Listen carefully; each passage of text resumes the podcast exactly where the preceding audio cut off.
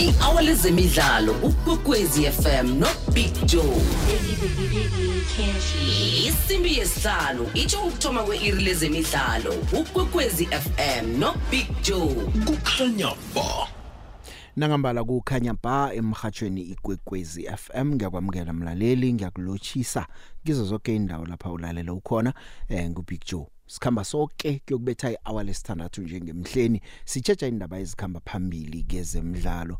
Kunengo kwenzekako eh vane ngitsho ngithi lesi sikhathi lesi sikhathi esibudisi khulu isikhulukhulu ebalandelini bebhola ragwako abafuna ukwazi ukuthi ingchema zabo zenzani kwenzekani njalo njalo. Abantu baphela ihliziyo nokulinda bakhoni bese ke kuba budisi ke ngoba abantu bakhamba badobha noma yini abayizwako endleleni apha bakhambe bayifanisa bakhambe bayibuza. Kodwa ngiyakuthembisa ke hlala ubeke indlebe la wena sizokunikela ekungizo indaba eh sikutshela zona. Vele kube ngizo zibe njalo. So namhlanje umahluko awukho eh sizozicala nje indaba eh kungolosithathu sichecha khulu khulu ibhola ragwako sesichecha njalo ibhola ragwako yazi kunodade la odlala itennis ngikhuluma la eh, ngoKhutatso KG Montjane. Eh i-wheelchair tennis uthumbile iRoland Garros kuWimbledon kuma kuma doubles. Eh nje sicale lapha ke ukuthi kuWimbledon eh kanti ke uza kusebenza kanjani ngoba lapho ke ucothela ama singles ukuthi athumbe. Ya muhle dlala kuhle eh uMontjane. Eh kusiyakhanuka nje ukuthi ngelinye ilanga ke sibe naye sokuditshana la emhathweni eh uthumbe iGrand Slam Seula Africa wagwayizwa nenjalo ukuthi kunomsewula Africa uthumbe iGrand Slam.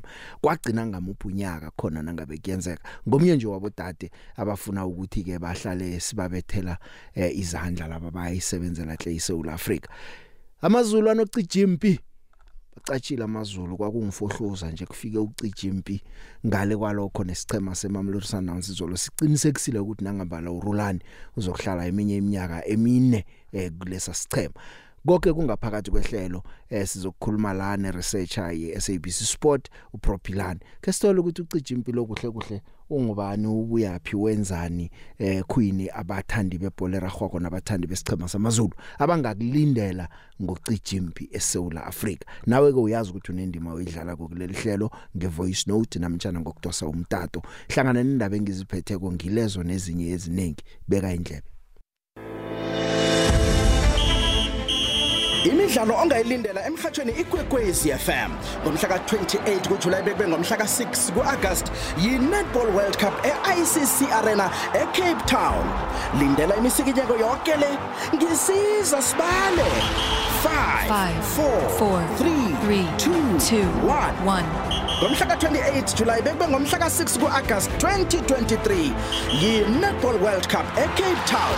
Uzoyizwa poro bunqopha #we love it here for the love of the game. Of the game.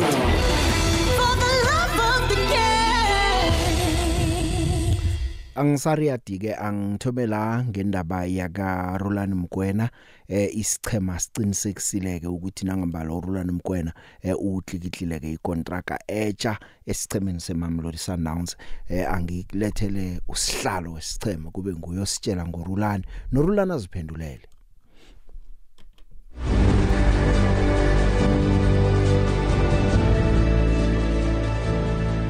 Hola Masandawana, this is your chairman speaking, and today I have some very exciting news that I want to share with you all.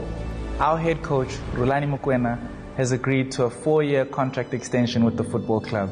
And what this means is we will have four more years of success, four more years of hard work and dedication, and four more years of joy, trophies, and wonderful memories with the Yellow Nation. You know you are loved, you know you are appreciated, and you are wanted. I look in the eyes of my players every single day, and I think there's uh, still more to be done. And because of that feeling, I felt the need to be able to put myself at service for this incredible institution once more and try to help it achieve more and win more trophies. Hard work beats talent when talent doesn't work hard. But on top of that, he is talented. He does have the ability to be a great coach, but he doesn't take that for granted.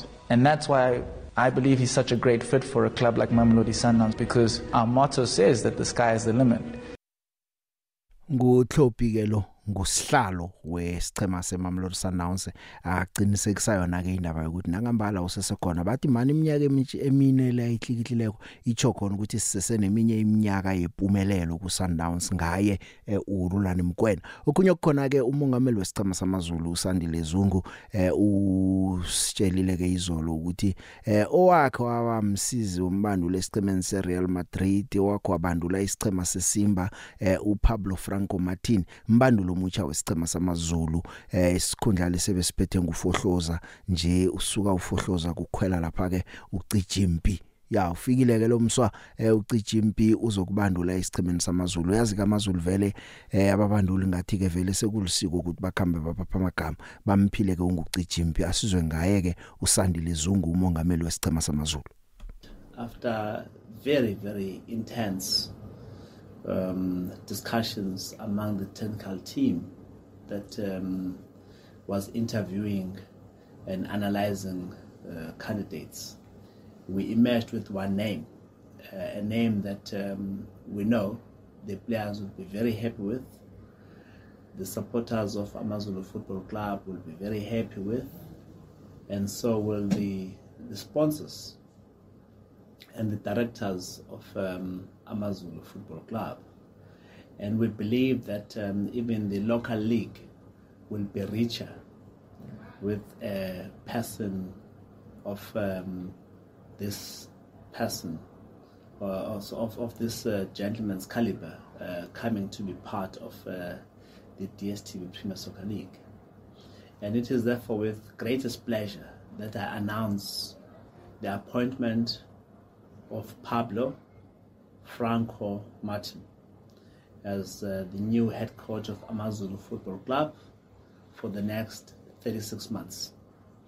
Uh, it is signed on dotted lines and he'll be um, landing on the shores and um, at the home of Amazulu Football Club in the next couple of days. We are very excited at the, the acquisition of the services of Pablo Franco Martin. And as it is tradition here at Amazulu Football Club, uh, he'll be known as the GMP, the warrior. And so Pablo Cijimbi Franco Martin uh, is the new head coach of Amazulu Football Club. Welcome to you, Cijimbi. Uh, we look forward to you um, doing what you are renowned for. And just a brief background on uh, Cijimbi. Cijimbi um, has coached uh, in, um, in Kuwait, he's coached in uh, uh, Tanzania, um, coached a, a very popular and uh, well-known brand called Simba. Uh, he has coached Getafe in Spain and also as an assistant coach to Real Madrid.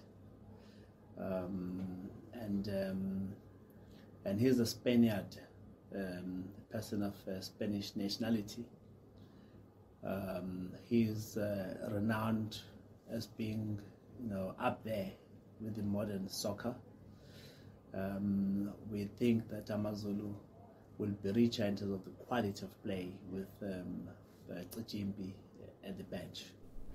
ya nguye ke ubaba uzungu athula ucijimpi ya sizokuzwa ukuthi ungubani ucijimpi yini esingayilindela kuye? Ngoba ekhaya ngiyazi ukuthi abalandeli bebhola banawo umukhwa ukuthi umuntu nabangamazi ko bathi akayazi into azoyenza ekhaya engicabanga ukuthi uJose Rivera wesichema seOrlando Pirates ukhombisile ukuthi madada umuntu ningamnyazi ngoba ningamazi eh nangu nocijimpi ukuthabele ukuba sesichemeni samazulu. I'm really excited. Uh, I know for a long time about Amazulu and I'm following uh, deeply for over a year. I know how huge and important this club uh, is. And I'm going there with the intention of making history, of bringing the team back to the place it deserves, and uh, to, to make everyone there, especially fans, people in the club, uh, to be proud of the job we are going to do. I'm, I'm watching PSL for a long time. Uh, I think it's around four or five years. Uh, I also coach uh, some players who played in that league, and uh, I often talk to them and discuss about um, the level there. And I know it's a very competitive league. any team can beat anyone. I already have the experience playing against Orlando Pirates in Joburg last season in CAF, and at that time you could see the, the level difference between, for example, teams from Tanzania, even if it's a huge team like like Simba and, and also Pirates. Uh, but anyway, we were capable of competing with them, and that's my intention. If I could do it with Simba being uh, really inferior, uh, I'm sure with Amazulu I'm going to be capable of of performing and to fight for uh, tournaments and to, as I told you before, to uh, bring the team back to the to the place it deserves. I'm an attacking mentality football coach, and I don't understand football without ambition. So our ambition is um, going to be uh, playing the best football as possible. Try to be offensive. Try to win uh, as many games as possible uh, but also, I want the, the, the, fans to see a team that it's aggressive, that it's uh, committed in defense, that, that it's working hard uh, in every action of the game. in the end, is what I also told you before. It's about making them to be proud of us, and I want our fans to finish every game, even when we don't get a, a good result uh, but saying that uh, the team performed good, the team played good, sometimes you cannot win because this is a game and there are some circumstances that as a coaches or as a players you cannot control. Uh, but those days, at least, they need to feel proud of the team and, and to be happy. I want them to enjoy, and I'm sure that our fans are going to be really happy with the show that we are going to give us every single day. Hebe Ushutu! Emnyakeni wamachumi amane wekwekwezi fm sisakulethela zemidlalo zisatshisa ngehlelo lezemidlalo. Fulela wanethwa. Nangambala fulela wanethwa ngikuthemisile mlaleli ngathi ngizabe ngikhuluma no pre Propilani eh uPropilani uyi researcher ku SABC Sport. Pro ngiyakwamukela ngiyakulochisa emhathweni wena wenene wena wengwadi. Inhlito yami yagitsagitsa kuba kwikwekwezi FM siyathokoza ukuba nawe namhlanje wena pro. Abantu abaningi bakwazela lapha enkundleni zokuthindana namhlanje nasikhuluma nawe sithi uyi researcher ye SABC Sport. Angikwamukele esibayeni se SABC Sport ngikuthokozise ngokuthola igige nje. Ngiyabonga kakhulu eh bhuti omdala um it's a dream come true to work for such an institution. And uh, wonke umuntu uyathemba ukuthi uzosebenza ngokuzinikela nokuzikhandla and siya sithembisa abalaleli ukuthi will always bring the best news to all the listeners of SABC Sports. Ngiyathokoza. Indaba enkulu ke sithoma ngayo namhlanje sikulochisa ngayo indaba yaka Cijimpi Pablo Franco Martin mbandulo omutsha wesichema samazulu. Eh ya nangithi ngiyacala nje amazulu sembanduli wesine. Ya esichemeni samaZulu solo kufike lapha ke umndeni wakwaZungu ngokwakho ngwesihlanu nguBenny McCarthy nguBrandon Truter nguRomain Falls nje baphethe ucijimpi angazi ke ukuthi mhlawumnye wena ngokumbona kwakho ucijimpi kuyina kuletha ukuhlukuleka kunalabanye ababanduli abagcina bacothiwe esichemeni. Well eh okokuqala nje angikusho lokho ukuthi eh kusithusile sonke ukubona ucijimpi being given the job eh at AmaZulu. Kodwa ke it's not the first time amazulu eh afike axoxa nalomqeqeshi eh if ukhumbula kahle after uBenny McCarthy left amazulu eh uBrandon Trotter was given 7 games ukuthi aqede season namazulu. After those 7 games eh there were conversations between amazulu nalomqeqeshi lo. And eh okwamanje asikabi naso isiqiniseko ukuthi yini eyenza ukuthi angazithatha izintambo after uBrandon Trotter coached amazulu for 7 games. Kodwa ke eh lokho kwenzeka kwenza ukuthi uBrandon Prutha akagcine litholile ithuba lokuthi aappointwe as a permanent coach amaZulu for last season. Nayo isizini angayiqedanga ngoba he was later replaced by uFohloza. uFohloza we all know ukuthi kwenzakalani kumaZulu struggling to win even though he led the team uh, through to MTN 8 final. Kodwa ke lo mqeqeshi unamava yena not amakhulu eh kakhulu eh is like an unknown uh, on the African continent. As much as he spent 6 months uh, in Tanzania coaching iSimba okubhlungu kakhulu ukuthi ngenkathi ecoach iSimba eh waqeda iseason 13 points behind iyanga and he led iSimba to the quarterfinals as well on the continent. So um i-experience yakhe is minimum kodwa ke eh sithemba ukuthi iappointment eyenziwe ubaba uZungu he understands and he knows ukuthi eh, eh, eh insizwa le uChijimbi unawo amava angasiza iqembu lamaZulu ukuthi likhuphuke lapho likhona and ligcine likwazile ukuthi lifike kule top 4 ahlale ishumayela every season. Ya usakhuluma ngokuthi akaziwa ngicabanga ukuthi into eyenzeke ngoJose Rivero esicemeni soLorlando Pirates yenze ukuthi sima South Africa nje umuntu noma singamaziko sithi akhe simbone singamjudge singakamboni.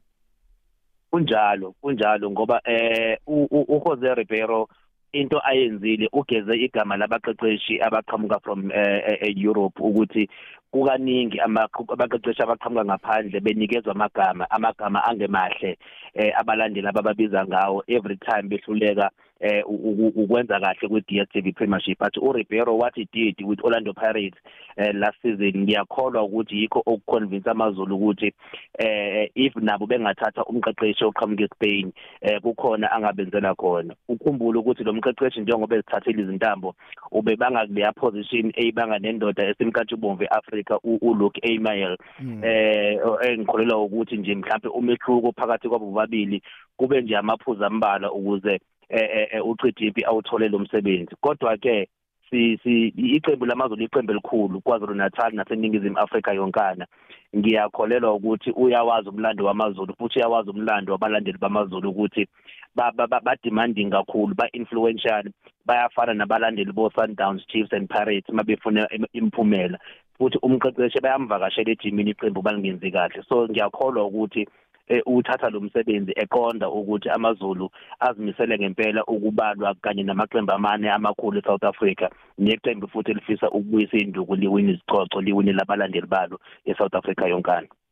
Kuzwa kamnandi. Sesekuye ke uPablo lo eh ngathi nokho akusimuntu ohlala isikhathe eside emsebenzini ngoba na ungacala nje eh eminyakeni emihlanu edluleko amazulu la asichema sesihlanu asibanduleko. Kusho ukuthi nase nje ungasuthi 1 per year 1 per season eh na ucalako solo athoma ukucoacha ukuvelela enkundleni zokucoacha ngabo 2008 lesi sichema sechumi nane ngesesi14 isichema asicoachako lesamazulu lokho singathini ngakho? Ukuthi ngathi akusimuntu ohlala isikhathi eside. Akuyona indoda ngempela ehlala isikhathi eside eqembini mangibuka nje umlando wayo kukhona la khona ehlale khona only 3 months eh, eh eqenjini as an assistant. Indoda lena esebenza kakhulu as an assistant more than as a head coach. And eh mawubuka la kuthiwa khona iwin isicoco khona iwin isicoco kwi level that is lower than even iABC Motsepe League in South African context. So akuyona indoda lena eh, eh, enamava kakhulu em eh, eh kuma top divisions ngoba eSpain eh ngonyaka 2014 15 season eh le ndoda lena iyake yathola u6-0 kwiBarcelona yathola u7-3 kuReal Madrid.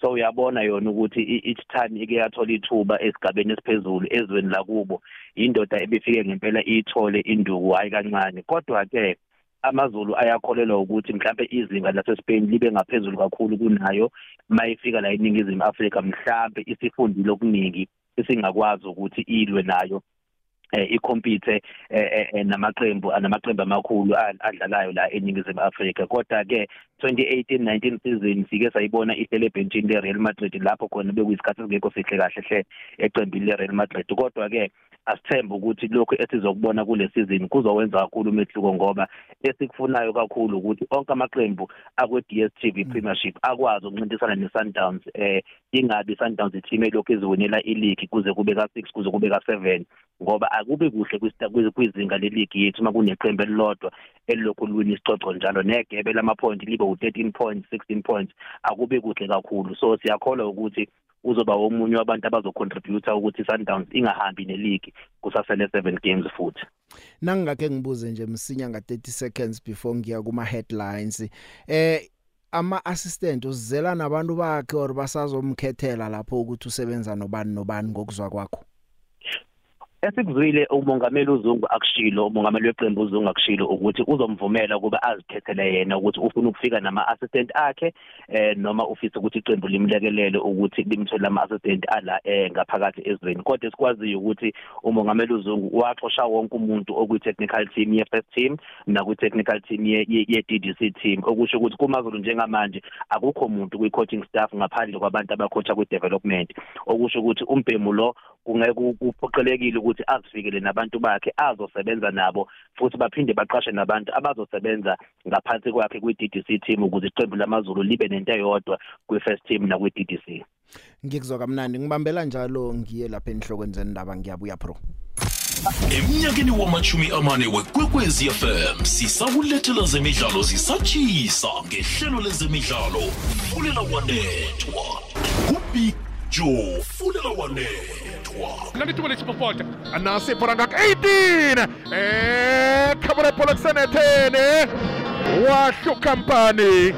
isikhama selapha-ke i-supersport bakuhamba phambili ngo-one not ku-orlando pirates isikhukhuni esilinganisile ngu-one-one lokhu kuchugulula-ke izinto hayi big joe kunjani khuluma nonezu ladybugs ngithi namhlanje sengazibona ngishintsha umbala yazi ngezwe i-kaizer chiefs le ngiyithanda-thanda sengatshintsha umbala sengabanyamazana ngatshintsha umbala ungabanyamazana sengazibona ngishintsha umbala yazi ngezwe i-kaizer chiefs le ngiyithanda-thanda sengatshintsha umbala sengabanyamazana fulela wanethwa kwekwezi fm Imzuzu imachuma amabili nemzuzu ebunane eh, ngaphambi kwehour lesithandathu ngisesenayo uProphilani oyiresearcher yeSABC Sport. Eh bro, njengoba sengikutholile sengikhijacker yazi eh isizini esikiyo le ama transfers nani nani kuyi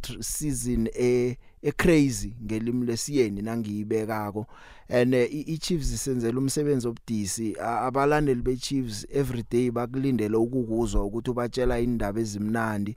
And indaba ezimnandi ezo wena na unganazo eh awazi ukuthi ungabathathela kuphi ubaqoqele kuphi. Ake ngibuze wena ke njenge researcher i research yakho ithini? Esicemeni seKaizer Chiefs kwenzekani ngo coach Eh esi esisakutholile ngezintatheli zethu ze-SABC ezigijima nalo udaba luka lwe-Kaizer Chiefs nomqeqeshi ukuthi basakhuluma naye umqeqeshi uNabi eh obe obeqeqesha iyanga yaseTanzania. Noma kukhona izinto eh abangavumelani nazo eh naye umqeqeshi kakhulukazi lapha ku assistant goalkeeper coach ne physical trainer eh kukhona lapho ukushayisana kwembono ngoba umqeqeshi ufuna ukufika nabo bonke labantu kade sebenza nabo eTanzania ngoba number 1 umqeqeshi okhuluma ulimi lwesifrench nelesi-arabic kanti labantu labasebenza nabo eh bakhuluma isifrench kanye kancane nesilungu. So ukholelwa ukuthi labantu labo uzokwazi ukukhuluma akhululeke nabo bese bekwazi ukuthi bathathe yonke into ayihlelayo nayikhulumayo bayidlulisele kubadlali ngendlela efanele. Kunalomuzwa anawo ukuthi umuntu ongalikhuluma ulimi lwakhe kuyoba likhona ukuthi amuzwe. Ukuthi ufuna ukuthini futhi ufuna ukwenzani. Bese kuba nzima ukuthi umyalezo uye kubalandi kubadlali ngendlela afisa ukuthi uye ngabo. Kodwa ke ngiyafisa ukuthi eh whatever ingxoxo ezikhona iKaizer Chiefs ekugcineni nabalandeli bayo bagcine bemtholile umqeqeshi abamdingayo eh noma ngingasho ukuthi eh umqeqeshi okhona njengamanje abamdingi. Kodwa ngiyakholelwa ukuthi njengoba kukhona lezi ingxoxo yingoba iKaizer Chiefs ikholela ekutheni bayamdinga umuntu umqeqeshi ozokwazi ukuthi abanyusele kwelinye izinga noma abuyise lezi insuku zakudala zeKaizer Chiefs la yayiqoqa khona zonke izicoco so ke izinkulumo zabo zikuleso singaba leso kodwa singalindela noma yini eh kulezi insuku eh noma ikusasa singeza sekumenyezela sekuthiwa umqeqeshi eh usesayinile. Kodwa ke indaba khona zikuleso sigaba leso sokuthi nje kufanele bobabili bavumelane ukuthi umqeqeshi uza nabantu abangaki ukuzoqeqesha iKaizer Chiefs. Ngabe ababili ngabe itechnical team entsha yonke noma uza nomuntu oyedwa. So sizozwa kahle ke ezinsuku iqhubeka nanoma iKaizer Chiefs ke isisibiza isithi siyamemezela ukuthi sebevumelane nami uphume uqeqeshi. Ya kusho ukuthi singatsho nje ukuthi mhlawumnye sekuseduze nayizolo ngathi bebabuthene lapha eRosebank kuma photoshoot weKapa nani nani. Mhlawumnye ke basaza kwenza iannouncement labaza kuveza khona abadlali abatsha necoach etsha dayo yonke nje into ephathelene nesichema sabo. Kunjalo impela. Eh siyakholwa futhi ukuthi iKaizer Chiefs iyiqembu elikhulu eningizimu Afrika. Lokho abantu kufanele bangangabazi. Nanoma yini eyenza kwiKaizer Chiefs eh, eh kuyayinyakazisa kakhulu iSouth African football. So sonke siyibheke ngamehla bomvu ukuthi yenza muphi umnyakazo ngoba ukwenza kahle kweKaizer Chiefs kwenza nje ukuthi eh, eh, abantu eningizimu Afrika yonkana babuthelene ema stadium ukuzoyibuka leli qembu leli elikhulu kangaka ngoba siyafisa sonke ukuthi iKaizer Chiefs ibuyele kulela zinga lila ngoba njoba ngishilo ekuqaleni ukuthi asikwazi ukuba neqembu elilodwa eliwina ileague kuze kube ka6 amanye amaqembu ebukela nje. Ayizoze balwina ka 7 ikhona iKaizer Chiefs. Angikholwa ukuthi abalandeli beKaizer Chiefs bengakuvuma lokho. Bro ngithokozile ukukhuluma nawe kwanamhlanje sithomele futhi sizakunande sikhulume emalangeni. Siyathokoza kakhulu ukuba kulomsakazo omkhulu kangaka eh nangelinye ilanga futhi siyohlala sikhona njalo manje sidinga. Aha ke ngiyathokoza. Amen. Ya mlaleli nguye ke uPro Philani uyiresearcher ye SABC Sport. Khona lapha eKZN esimlalamela ngoba sazi ukuthi useduze nazo lezi zabo Cijimpi sisazizwa ngaye. Zihlezi njalo ke indaba zaka Cijimpi nje jamakhe ngizwe nje ama voice notes mabili mathathu bese ngiyakhamba ngiyokulalamela uTiyana kwamabaso ngake lakhe ihlangothi ke sizwe nje ukuthi ukufikela nje eh, ama transfers akhamba njani engichemeni ngibapha abaqinisekisweko ngibaphi ekusakhulunyiswa ukuthi basaza kuklikihla engichemeni nangenza nje ngichinga kuye uDian Sawubona sawubona the big sawubona big Joe Ah nami ngicela ukuphawula kancane lapho. Ihlelo la ka Arivon Ah uThe big beyaveza zemphumela lapho zomphumela Yeah ekuseni the big. Hey hayi man. Mina ngithi ngicomment nje ngama transfers azoyenzeka kule season ngiyayibona le yaka Obas leyo lo TS Galaxy eh lo ebambhale kabi lapha kule game ebafana bafana eh ngimistake ukuthi player le Pirates. Kahle kahle ke uBratim naye kuzomela axole ngoba umfana ufuna ukuyakubhakaniya. Manje uBratim lento eziningi kakhulu azikhulumayo manje hey kodwa ke umfana ufuna ibhakaniya into efunekayo leyo umfana aye kubhakaniya wula wula the big. Eh tamen tamen big joe ka gasho eh ke kutullo sello ka mo ka mo Germiston ka. Eh big joe ke rata go fitlisa molaetsa go bathegi le barati ba Kaizer Chiefs. Eh o le mo mahemehemo a re ya kwago a go saena ga dibapadi. Nna be ke re go makhosi ka moka. A re emeleng um press conference. Um re tle re kgoneng go kwa bonnete bja ditaba. Um tsona di a kgatlhiša tše re di kwago mara bjale bothata kore ke mabarebare um baraloki ba re ba saenago mo di-facebook le mo mabarebareng a re a kwa. E tlogele dibapadi tša maemo a godimo ke kwa ke kgotsofala. Bjale be ke duma gore um e ka ba nnete um re tle re kgone go bona papadi tše botse tša Picture ngibingelele emsakazweni omkhulu ikwekwezi FM osithulela ezemidlalo kamnandi. Hayi Picture sithi siwabongisa amazulu ngokuthola umqeqeshi ubukeka esezingeni elikhulu ngalendlela kuyabonakala ukuthi ubaba uzungu iteam yakhe uyafuna ukuthi ibe yenye yamathimu aseqophelweni eliphezulu kwi-DStv Premiership ngendlela asebenza ngakhona usebenza ngamandla. Asithembe ukuthi bazosebenzisana kamnandi nomqeqeshi akwazi ukuthi abambe le Sundowns ekudala yasiqala lana eSouth Africa. Hayi sesinethemba sesithembele kuyena ucijimbi ukuthi naye uzafika wenza umehluko.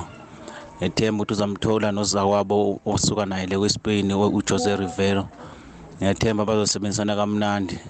Naye akazama ukuthi aqedele la gama lokuthi ucoach esingabazi sibabize ngoplamba naye kumele asebenze ngokukhulu ukuzimisela nokuzikhandla alinganise uzakwabo uJose Rivera. Ngibonge Big Joe Siphamandla lokho emzimkhulu kwaTsanibe.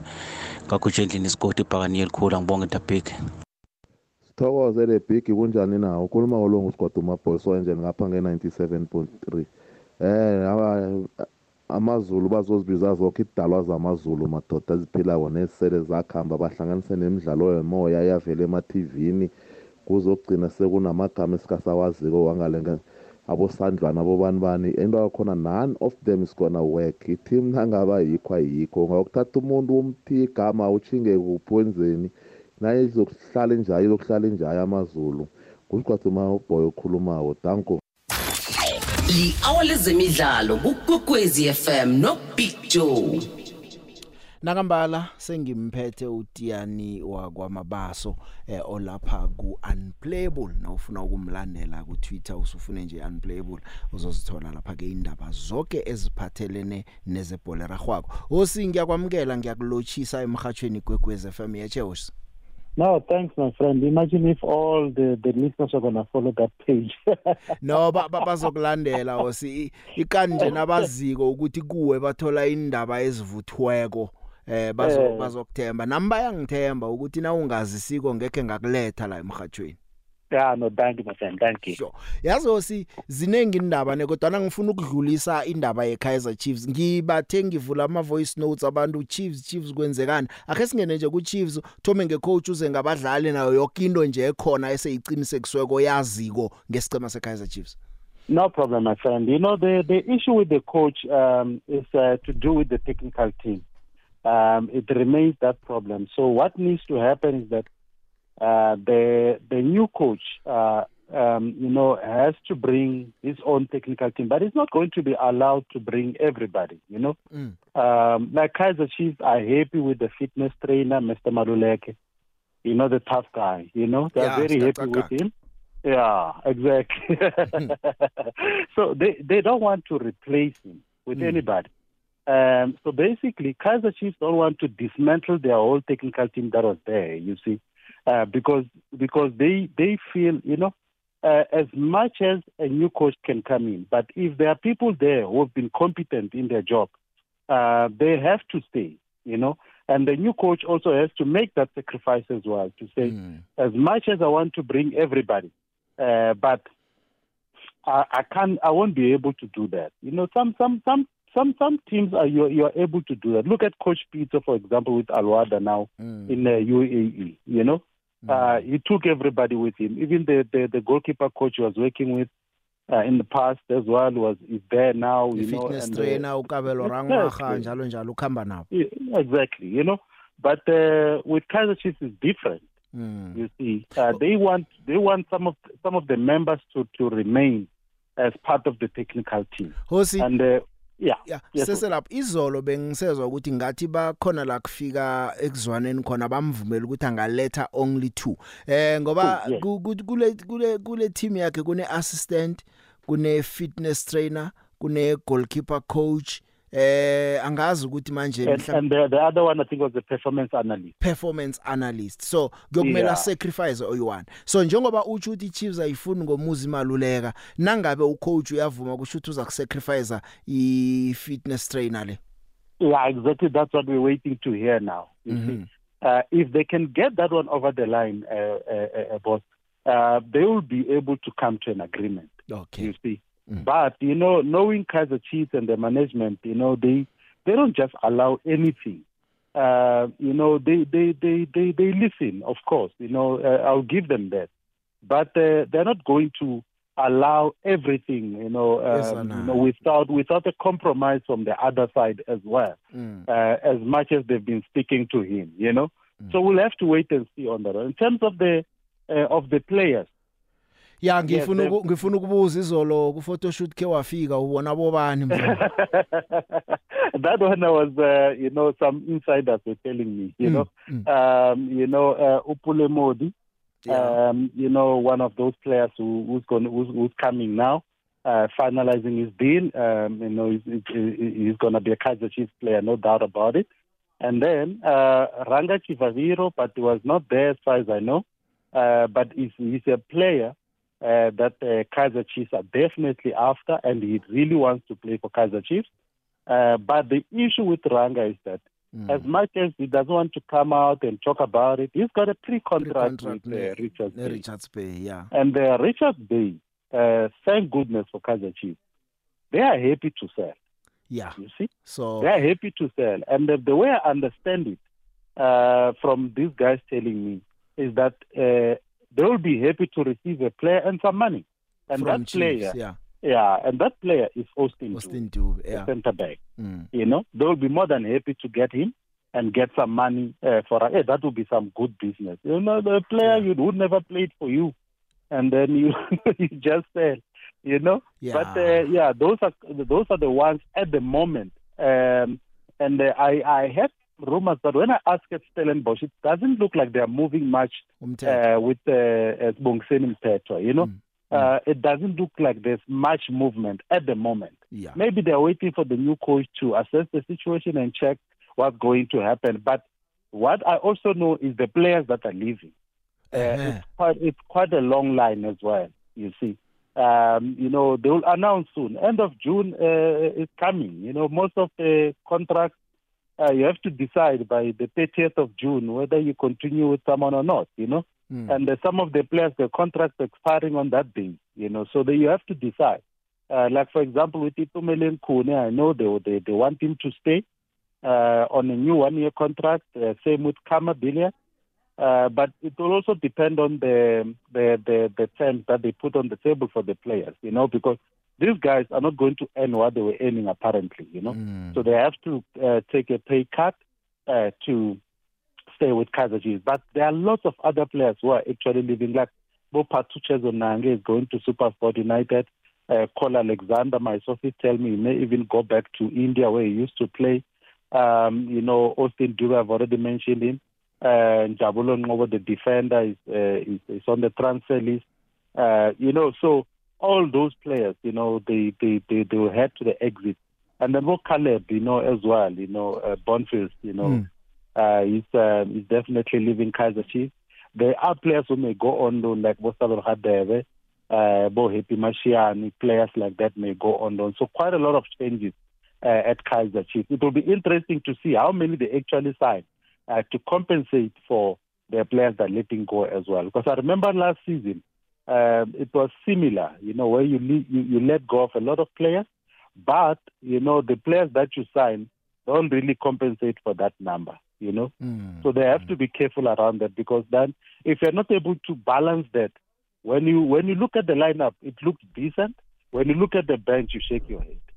You know what I'm saying? Ya hosi eh si- sizazilinda zesicema seKaizer Chiefs. Ngaphandle kwalabo abanye sesibaqinisekisile ngaphambilini abatsha nje kukhulunyiswa uPule Modi njengoba usitsho ukuthi vele yokuba umdlali wesicema seKaizer Chiefs. Sakubeka nendlebe sibona ukuthi yakaranga indaba iphela njani kodwa njengoba usitsho nje ufuna ukuya ku Chiefs ne Chiefs yamfuna eh i Richards Bate singamthengisana nifunako ngoba une pre contract nathi. Asidlule lapha esinye isicema esibhizi isikhukhuni. Hey, those guys are busy, Osi. You know, they sign, and but you know what I like, you know, Osi? They sign players from the NFD. Mm. You know, Mm. uh, it shows they are watching football across. Um, you know, most most teams they don't really watch football at that level. Yeah. You know, that's why these guys they just take whatever they want from the NFD, and they take good players. Mm. Uh, look, look now. Uh, I think uh, uh, just a few weeks ago, people are saying, "Hey, this Elvis Mukwana is a good player." You know, Mm, mm, Ah, yeah, mm. he's a good player for Skukuna. Skukuna has a good player there. Can my team sign him? You know, uh, I saw Pirates fans, Chiefs fans, they want him. But that player was playing for Platinum City Rovers in the NFD. What if their club was watching football? You know, maybe they're gonna get him. It's a, it's insane now, uh, where you see Skukuna going down to to the first division. They've already got Bo, Bo Mariba from uh, VFA. They've already got such players. They've already got Wotiklas Tutwa from uh, uh, Black Leopard. Now they even go uh, for for players from Kasrik Stars. You know, uh, Homo Musad. What a good player. Mm. You know, Mm. uh, they go for him. They go for Zeblon uh, Mjeni. Uh, you know, so this team, uh, yes, they sign quite a lot of players, and people say, hey, they can sign. They have a lot of money and so on and so. But they also sign right the right players. But, uh, in in the next few months, people will be saying, why didn't we sign this player and that player and that player?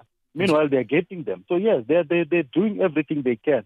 Uh, even now, they they're negotiating other deals as well. Um, you know, to let go of this, of some of the players who let them down, like Victor Litswalo, they're letting him go. He's going to Amazulu. uh, and uh, they're going to get Rally uh, uh, uh, Dwala from uh, uh, Zambia, you know, there by Amazon. You know, so you can see this team is doing everything they can uh, to make sure that they can have a team to compete uh, in the local competitions, but also in CAF. Remember, they're going to play uh, in the CAF Confederation Cup, provided, of course, if they can uh, or, uh, have an affiliation with the uh, women's team. So they have to sort that one out as quickly as they can before the deadline on the 30th of uh, June. So they are signing mm. quite a lot. namhlanje baveze no Ronaldo Lena ugoalkeeper Yes. from iMaritzburg United naye bamsayinile Absolutely. Even Washington Arubi, the goalkeeper from Marumo, uh, as well. So they, you can see that there are quite a lot of goalkeepers already. Um, you know, so it's, it's it's good to see. You know, uh, but I'm more impressed with the fact that uh, they can watch the game at NFB level and they can sign some good players. You know. Isicema sePulukwane City siyafika silungiselela ukuza ku DStv Premiership eh ngizobatsho ndoda sesiyakhipha sesikhiphe close to 10 yabadlali kodwa na Yeah. umphoma kula bano Joseph Mhlongo bona eh labo basesekhona isizini ezako bafuna ukwakhela phezukwabo Yeah, no, the, the experience is key, also. Uh, and I, you know, I'm happy that they acknowledge the contribution of those guys. You know, uh, because some of the teams, when they reach the PSL, uh, they what they do is they they get rid of such experienced players. You know, uh, but this this one is different now. They they they're keeping those guys, uh, but unfortunately, you know, 10, 11 players to even 12 players are leaving. They're gonna release the names, um, you know, soon. Uh, but um, you know, uh, the, the the CEO has already confirmed uh, that uh, at least over 10 players are going to be released. But I can tell you, they've got Oswin uh, Apolis uh, from uh, Pretoria Kelly, and they're also getting uh, Trounkwe uh, from Pretoria Kelly as Mm. well. So at least what they, they've done is that when they were playing against these teams in the NFD, they were watching the other teams as well. And now they're taking that uh, advantage, like Skokona are doing, to sign some of the players uh, who they were competing with uh, in the NFD. You know, so uh, it will be interesting to see how uh, they actually go about their signings in terms of uh, not only the NFD but other players who are going to uh, to help them in the in the in the PSL next season. iSundowns so sisakhe sakhuluma before ukuthi a- asizokubona kungena abadlali abaningi eh Yeah. na- nabaphuma abadlali mhlawumbe abanye bobabolekisa abanye bokuswapa ngabo ukuthola abadlali msinya nje Yeah. ngaphandle kwaka Junior Mendieta kukhona okhunye okuzwako ngayo iSundowns Ah no, it's uh, it's only the boy from uh, Stellenbosch, Mm, uh, mm. Olwe Tumakanya. They they they raiding uh, Stellenbosch. They are not playing. Uh, they're getting in. Uh, Olwe Tumakanya, the the Nedbank Cup uh, most promising player of the tournament. kodwa ngizwa Eh, batsho bayomsayina bese uhlala kiso iStellenbosch Yes. godu eh kuthi ukuthi isizini ezakona kudlalwa neStellenbosch kungenzeka umakhanya olwethu angadlali against iSundowns ngoba seliplayer leSundowns elidlala kuStellenbosch Yes, absolutely, Ossi. So he's going to be on loan for next season, but he will be he will be a Sundowns player. Mm. Uh, but th- what they're doing is they're very careful in terms of who they're signing. You know, they're not really. Uh, you know, I remember that when we last uh, spoke, and I said to you, uh, from what I'm hearing, they're not going to make a lot of signings, and it's still going like that.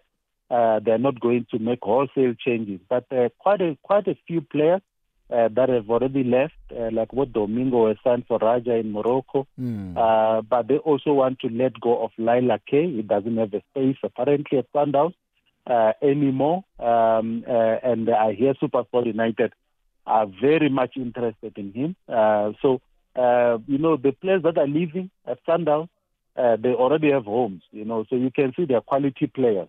Uh, so we'll have to see with the others that don't have, um, you know, clubs already. But what I've what I've picked up at Sundowns as well is that uh, uh, you know it, it's it's about the, the the players yes that that, that are, are are leaving, but the other players that are on loan as well. Mm. You know they're addressing that issue as well because, because remember Sundowns there's quite a lot of players on loan. You know Mm. uh, like even Bo- Igodaro at uh, Chipa, um, you know, uh, both Divine Lunga at uh, Golden Arrows, they are addressing such issues. So from what I understand, they want those players to remain where they are. Mm. Uh, so they don't come back; they stay on uh, on loan. kodwa abasesebadlali uh, beSundowns abakwazi ukuya kwezinye inhlapa Abs- Absolutely. And uh, you know, remember also we've also had rumors about how Sundowns structure their contracts. So if you go on loan, that freezes your contract with Sundowns. Mm. So if you're on a five-year contract, you go on loan this season. Uh, that year doesn't count, so you Eh. still have your five-year contract. I don't, I don't know if this is completely true, also, but uh, um, you know, it will be interesting to have the management of Sundowns explain some of these things. You know, Yeah. so yeah, I'll be we'll be watching that one as well. You know, but I don't expect too many movements in terms of those coming in. Uh, but I expect a few movements in terms of those who want to go out because some of the players are demanding to leave, Mm. like Lisedi Kapinga, you know, he wants to play. So he's saying, loan me out or, sell, or, or give me my clearance, you know. So uh, it's not easy at a club like that because all of them are quality players Mm. and all of them believe that they should be in the starting 11. But Hosi. unfortunately, you can only le- have 11, you know. ngisele ngemzuzu emithathu kuphela hosi eh ngifuna ukuzwa ukuthi Orlando Pirates nayichinga eSpain for i-preseason bobana badlala batsha bazabe bakhamba no Ribeiro eSpain Yeah, yes. Um, you know, you know, see, apparently the deal yeah, uh, Katlego Tlabisa from Marumo apparently was including Ranga Chivazuro, but Chivazuro doesn't want to go there apparently. mm. Uh, so uh, it will only be Utladisa and then uh, obviously Melusi Buteles, we spoke about him in the past, um, you know, and there's Pelo uh, Baloni. But there are also other players that uh, they are looking at, uh, like uh, Stelo uh, Hlachoyo from Golden Arrows. Uh, they they definitely looking to reinforce their defense, and they they're looking at such a player. Uh, so the other ones, they, they, they, in terms of signings, they're like similar to Sundown. Not too many signings, uh, as much as they've shown interest in quite a lot of players, but they're not going to make uh, a lot of signings. But what they're going to do is uh, there are quite a lot of players who are going to leave. Ahebo, Fortune Makaringe, uh, even uh, Maro, the, the Cameroonian striker. mm, Uh, akakadlali musiloyo ni No, he didn't play. Osi. You know, so I'm surprised already. ene you know. nakezako hosi bekukhuluma into eziningikhulu ngaye besilinde ukubona umdlali Yeah, a player was in the World Cup squad, yeah, Cameroon. you know? Mm, So you expect too much. And then now you, you hear stories of a loan. And uh, remember, he doesn't even have a long term contract uh, with Paris, it's only two years. mm. Um, and uh, it's, uh, you know, uh, half a season is gone in his contract, you know? So uh, it, it's very, very interesting also that he's not really uh, played much. And if you're talking of a loan, where is he going, you know?